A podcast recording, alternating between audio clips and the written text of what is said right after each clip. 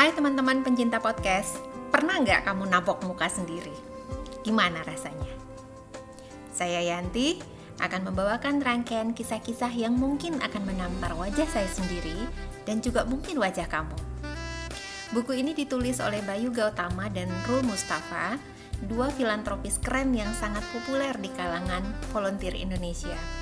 Sebelum menikmati tamparan demi tamparan dari lebar-lebar buku ini, yuk simak apa kata Azam Mujahid Izul Haq tentang buku ini.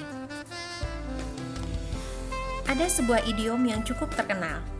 Pukulan yang tidak membuat kita terjatuh justru menguatkan. Apalah lagi hanya tamparan. Pada umumnya, tamparan hanya membuat kita terhenyak saja. Berhenti untuk beberapa saat saja.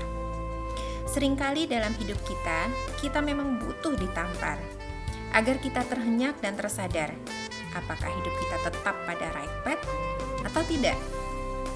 Tamparan-tamparan kata oleh Bayu Gautama dan Rul Mustafa ini bukan saja menghenyakkan pikiran kita, melainkan juga relung hati kita yang terdalam. Tinggal selanjutnya apa reaksi kita atas tamparan itu. Karena tak banyak orang yang kemudian memilih untuk bangkit dan berdaya setelahnya.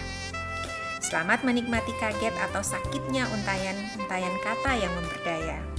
Selamat menjadi pribadi yang semakin kuat dan menghebat dalam limpahan ridho dan rahmatnya. Oke teman-teman, itu saja sebagai pengantar. Dan kamu siap-siap ya untuk ditabok pada episode-episode selanjutnya. Sampai jumpa.